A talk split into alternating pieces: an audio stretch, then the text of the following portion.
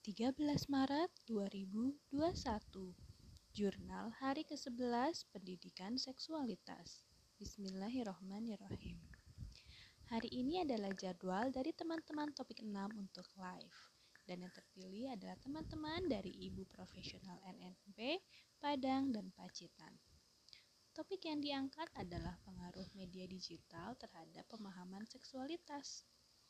Memang tidak bisa dipungkiri bahwa media digital sangat erat dengan kehidupan sehari-hari.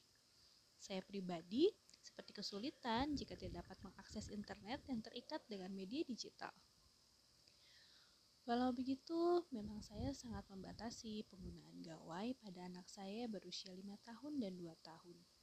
Sementara ini anak-anak cukup paham bahwa handphone bisa dipakai untuk foto, video, menonton video, menelpon, dan mengirim pesan. Untuk mengoperasikannya memang belum mahir. Semua masih meminta pertolongan ayah dan bundanya. Hal itu pula yang membuat kami dapat mengawasi mereka apa yang dilakukan dengan gadget kami. Kekhawatiran mengenai media digital dan kekhawatiran ketertarikan anak kepada media digital yang berlebihan inilah yang membuat saya dan suami memutuskan untuk tetap tidak memasukkan Barara ke sekolah formal karena banyak kegiatan berbasis online yang membuat kami khawatir efek buruknya. Alhamdulillah, kami pun punya peraturan screen time di keluarga dan kedua anak kami menaati peraturan tersebut, yaitu kami hanya mengizinkan menonton TV selama satu jam per hari. Itu pun kalau mereka sudah tidur siang.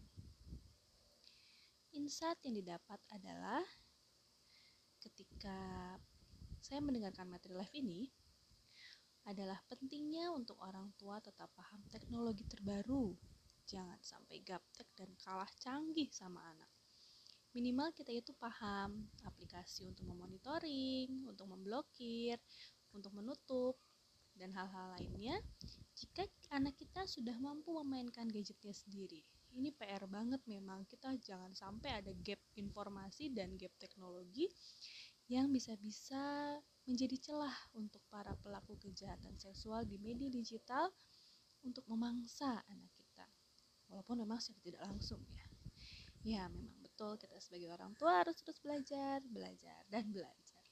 Semangat!